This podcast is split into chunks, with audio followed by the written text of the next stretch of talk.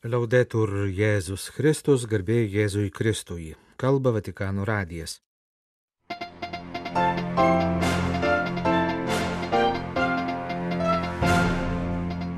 Popiežius linki, kad ateinančiais metais Prancūzijoje vyksiančios olimpinės žaidynės būtų sporto ir solidarumo šventė. Popiežius nustatė amžiaus cenzą rytų bažnyčių vyskupams dalyvaujantiems naujų vyskupų rinkimuose. Popiežiaus valstybės sekretorius kardinolas Pietro Parolinas aukojo mišes Čekijos ir Slovakijos nepriklausomybės 30 metų sukakties proga. Vatikano spaudos salėje pristatytas Šventojo sosto dalyvavimas Venecijos architektūros bienalėje. Apaštališkasis nuncijus Sudane apie pastarųjų dienų neramumus toje šalyje.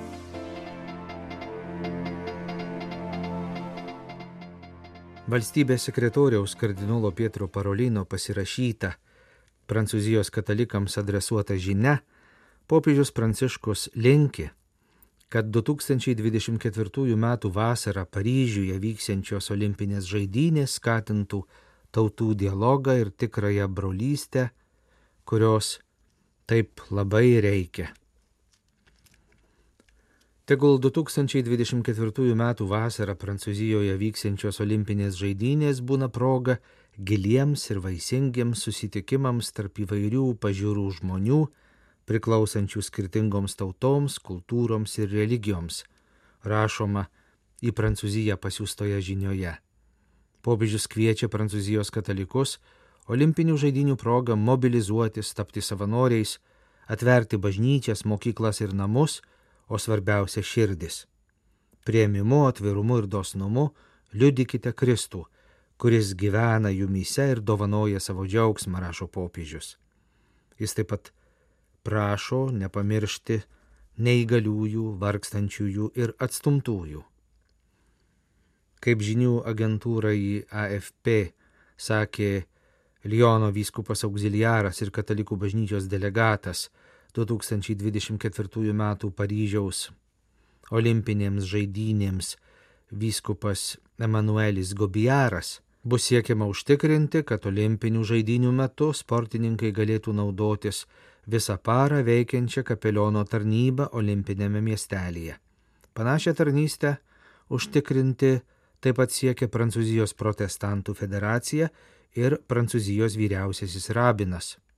Norime, kad olimpinėme miestelėje per žaidynės ištisą parą dirbtų kapelionai, sakė vyskupas, informuodamas, kad toks prašymas yra įteiktas žaidinių organizatoriams.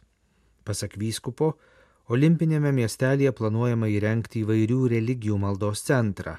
Katalikų bažnyčia taip pat daug dėmesio skiria pažeidžiamiausių grupių, neįgaliųjų, vargstančiųjų prieimimui. Už tai yra atsakingi Paryžiaus vyskupas auxiliaras Filipas Marse ir projekto vadovė Izabel de Chatliu. Jis tengiasi iš žaidynės organizuojančio komiteto gauti vietų labiausiai pažeidžiamiems asmenims, juos palydės savanoriai. Prancūzijos protestantų federacija ir vyriausiasis Prancūzijos rabinas pranešė, kad jie stengiasi sudaryti olimpinio miestelio kapelionų komandas, kurios galėtų veikti per žaidynės suderinamai su Tarptautinio olimpinio komiteto politika.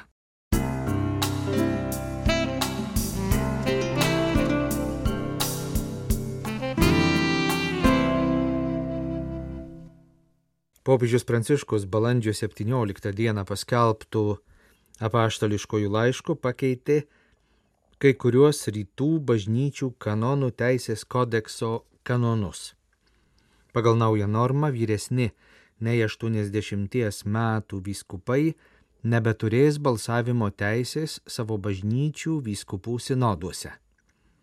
Popiežiaus pasirašytame apaštališkajame laiške aiškinama, kad šio normatyvinio pakeitimo prireikė dėl rytų bažnyčių sinoduose iškylančių sunkumų renkant naujus vyskupus arba kitus vyskupijų ar misijų su jūris vadovus. Dokumente patikslinama, kad po mėnesio įsigaliosiančios naujos normos nebus taikomos pareigas jau einantiems patriarchams, didiesiems arkiviskupams, vyskupams ir egzarchams, net jei jie yra vyresni nei 80 metų.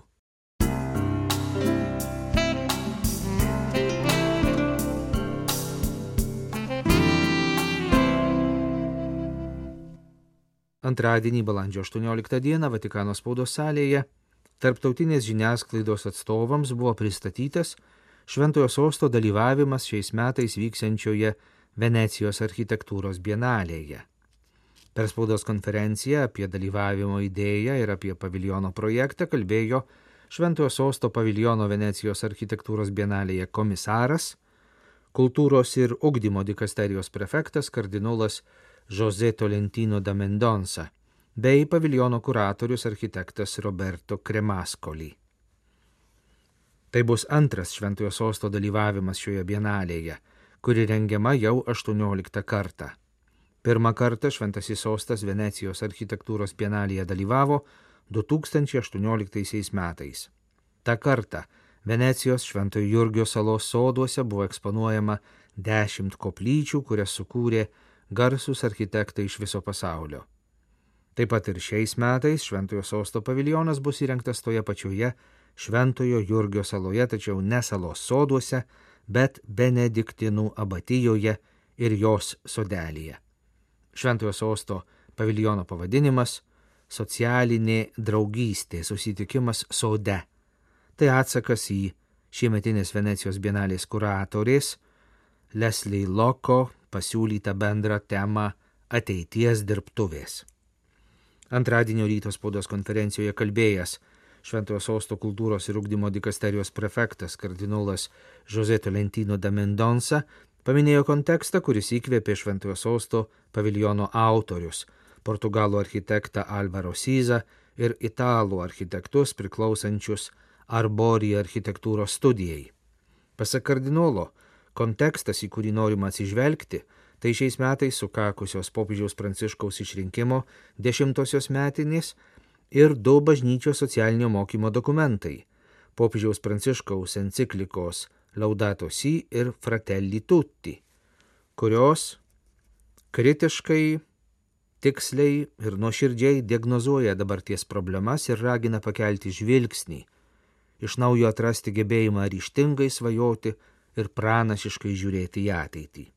Šventojo sosto paviljono kuratorius architektas Roberto Kremaskoli per spaudos konferenciją visų pirma atkreipė dėmesį į tai, kad Šventasis sostas neturi nuolatinės būstinės Venecijos bienalėse, kaip nemaža dalis kitų dalyvių turinčių pastovius paviljonus.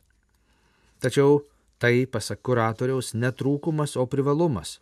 Vietos nacionaliniam paviljonui ieškojimas labiau susiję su Venecijos miestu ir visa lagūnos teritorija, kuria santykiai tarp teritorijos, gyventojų ir bienalės dalyvių bei lankytojų. Kuratorius paaiškino, kad kelionė per paviljoną prasidės nuo fotografijų ir video pasakojimo, ves per vienuolyno sales iki sodo.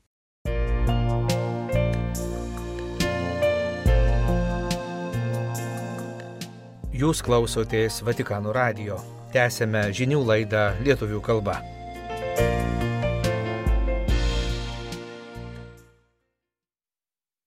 Prieš 30 mečius įvykęs taikus Čekoslovakijos padalinimas į dvi valstybės.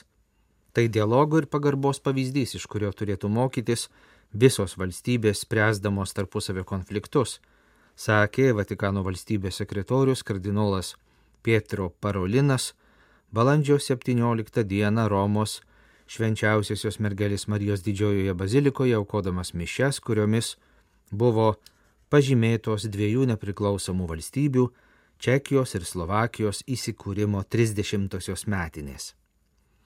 Pasak kardinolo, ir šiandien tokių konfliktų kaip Rusijos Ukrainoje sukeltas karas šviesoje, Čekijos ir Slovakijos patirtis prieš 30 metų tebėra įkvėpimo šaltinis pavyzdys, kaip taikiai, dialogu ir tarpusavio pagarbą spręsti nesutarimus.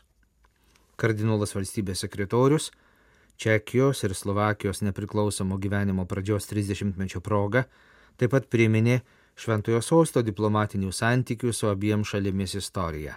Po komunistų režimo žlugimo 1990 metais atkurti diplomatiniai santykiai su Čekoslovakija nuo 1993 buvo tęsiami kaip Šventojo sosto diplomatiniai santykiai su Čekija. Tais pačiais metais buvo užmėgsti diplomatiniai santykiai su Slovakija, tęsiant ankstesnius santykius, kurie buvo užmėgsti 1919 metais.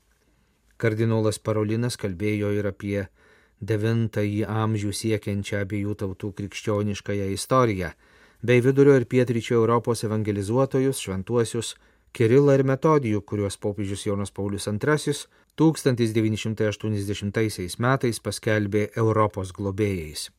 Per šimtmečius regiono slavų tautos susidūrė su įvairiais iššūkiais, svetimųjų valdžia ir persekiojimais, tačiau laisvės dvasia niekada nenuslopo. Daugia amžys evangelizacijos ir kultūrinės tapatybės paveldas leido 1993 metais sukurti dvi nepriklausomas ir taikiai bendradarbiaujančias valstybės.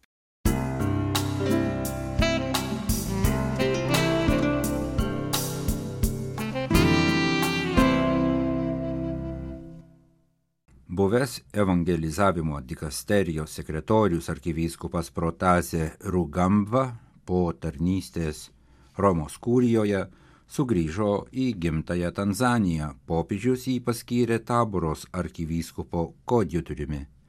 63 metų arkivyskupas gimė Tanganikoje, anuomet Britų imperijos kolonijoje, dabar Tanzanijos Respublikoje, Rytų Afrikoje. 1990 metais Darės Salame, anuomet Tanzanijos sostinėje, popiežius Šventasis Jonas Paulius II jį išventino kunigu. Nuo tada taboros arkivyskupas koadjutorius tarnavo tiek Tanzanijos viskupijose, tiek Romos kūrijoje. Popiežius Benediktas XVI tautų evangelizavimo kongregacijoje dirbusi kuniga Rugamba paskyrė Kigomos vyskupų Tanzanijoje, o 2012 metais birželio mėnesį tautų evangelizavimo kongregacijos sekretoriaus pavaduotojų ir kongregacijos dabar dikasterijos sudėtyje veikiančių popiežiškųjų misijų draugijų pirmininku. Vėliau popiežius Pranciškus vyskupą iš Tanzanijos paskyrė kongregacijos pagrindiniu sekretoriumi, o dabar jam pavedė naują misiją gimtinėje. Protazė Rugamva netrukus galės pakeisti ganytojo pareigose 75 metų amžiaus taboros arkivyskupą metropolitą Paulą Runangazą Ruzoką.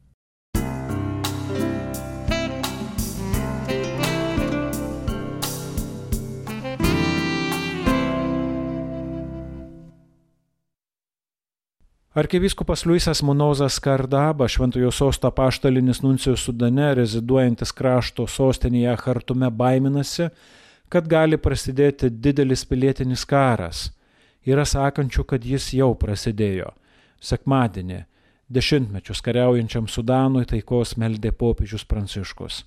Dabartinio konflikto centre dvi figūros du generolai Mohametas Hamdanas Dagalo ir Abdelis Fatahas al-Burhanas, kurie vienas kitą puikiai pažįsta. Dar 2003-aisiais abu kovojo su Darfūro sukilėliais. Vėlesniais metais užėmė vis svarbesnės pozicijas. 2019-aisiais kartu nuvertė Omaro al-Bashiro autokratinį režimą valdžiusi 26 metus, kurį pakeitė pereinamoji vyriausybė turėjusi demokratizuoti šalį Tačiau 2021-aisiais abu generolai atstatydino ir ją patys užimdami vadovaujančius postus.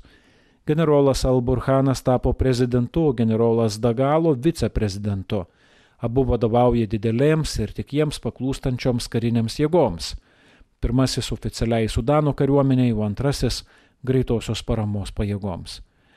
Kaip pažymima įvairiuose apžvalgose, jų vadovaujami kovotojų būriai pilietinėme kare, per kurį žuvo šimtai tūkstančių žmonių, padarė daug sunkių nusikaltimų, atėmė civilių gyvybės. Į konfliktą įsiterpė ir geopolitiniai interesai. Nuo 2017-ųjų įvairias Darfūro aukso kasiklas prižiūri ir išnaudoja Rusijos bendrovė, bendradarbiaudama su Wagnerio samdinių grupuote ir po Umaro Albaširo nuvertimo sandėris buvo pratestas mainais už ginklus ir karių apmokymą. 2023 vasarį susitarta ir dėl Rusijos laivų bazės įsteigimo Sudane. Pagrindinis Rusijos pašnekovas yra generolas Dagalo. Pirmadienį paštalinis nuncijus Luisas Miguelis Munozas Kardaba tiesiai iš Hartumo Vatican News komentavo apie trečią dieną vykusius susirimimus, jau nusinešusius tos dienos žiniomis mažiausiai šimtą gyvybių. Pasak Vatikano diplomato įtampa vyravo kelias savaitės, susprogo balandžio 15-ąją šeštadienį. Faktiškai galima kalbėti apie karą, gatvėse švilpia kulkos, danguje skraido lėktuvai, girdimi artilerijos pabūklų šūviai. Padėtis labai rimta, labai rizikinga ypač civiliams, pridūrė Vatikano diplomatas. Pasak jo, visi užsidarę namuose negali nueiti iki turgaus įsigyti būtiniausių produktų maistui. Galima pridurti, juk trečdalis sudaniečių yra itin vargingi ir jiems reikia nuolatinės humanitarinės pagalbos. Pačiam nuncijui teko susidurti su kažkurios pusės kovotojais nunciatūros būstinėje. Mišių metu į nunciatūros teritorijoje įžengė trys kareivių grupės, kurios galbūt norėjo panaudoti nunciatūros sodą kovai su savo priešininkais. Tačiau ačiū Dievui po pusvalandžio jie išvyko be didesnių incidentų. Ir čia kulkos skraido, kaip visame mieste, sakė Hartume reziduojantis apaštalinis nuncijos. Pasak jo, vėliau ir kiti kareiviai peršokė neaukštą sieną, kirto nunciatūros teritorijoje, joje neužsilikdami. Anot apaštalinio nuncijaus jį labai liūdina tai, kas vyksta, mat susirimimai žlugdo galimybę ir viltį pasirašyti, kaip buvo numatyta politinį susitarimą tarp įvairių partijų ir karinių grupuočių dėl padėties normalizavimo bei krašto demokratizavimo. Tikėtasi, kad balandžio pradžioje bus pasirašytas demokratinio pereinamojo laikotarpio susitarimas, taip pat suformuota nauja civilinė vyriausybė Tačiau dėja dabar yra rizika, kad visa tai gali sužlugti, kad dabartinis konfliktas gali užsitęsti ir net išprovokuoti, neduok dievę, plataus masto pilietinį karą. Vilkimės, kad ne, kalbėjo nuncijus. Sudane dirba ir apie 30 moterų misionierių kombuniečių. Hartume nulatos reziduoja 7-8 seserys atsakingos už gimdymo skyrių ir kelias mokyklas. Viena iš kumboniečių vienuolių vyresniųjų Vatikanius komentavo, kad iš Romos susisiekė su Sudane esančiomis vienuolėmis. Pasak sesers Eleonoros Reboldi, šiuo metu judėti Hartumyje neįmanoma, iš miestų išvykti neįmanoma. Dingo elektra, gatvėse vyksta intensyvūs susirimimai. Seserys taip pat yra užsidariusios savo namuose, meldžiasi už kraštą, aistrų nurimimą, prašo maldos už jas pačias.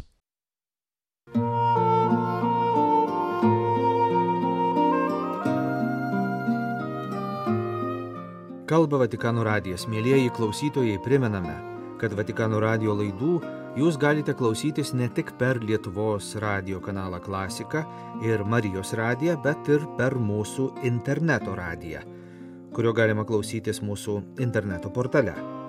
Vatikano radio lietuviškasis kanalas veikia visą parą be pertraukos. Jo laidų tinklelyje žinios lietuvių kalba, liturginės valandos, rožinio malda, mišios lotynų kalba ir klasikinė muzika.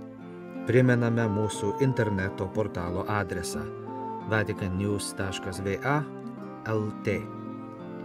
Jūs klausėtės Vatikano radio žinių laidos lietuvių kalba. Atsisveikiname iki rytojaus. Laudetur Jėzus Kristus.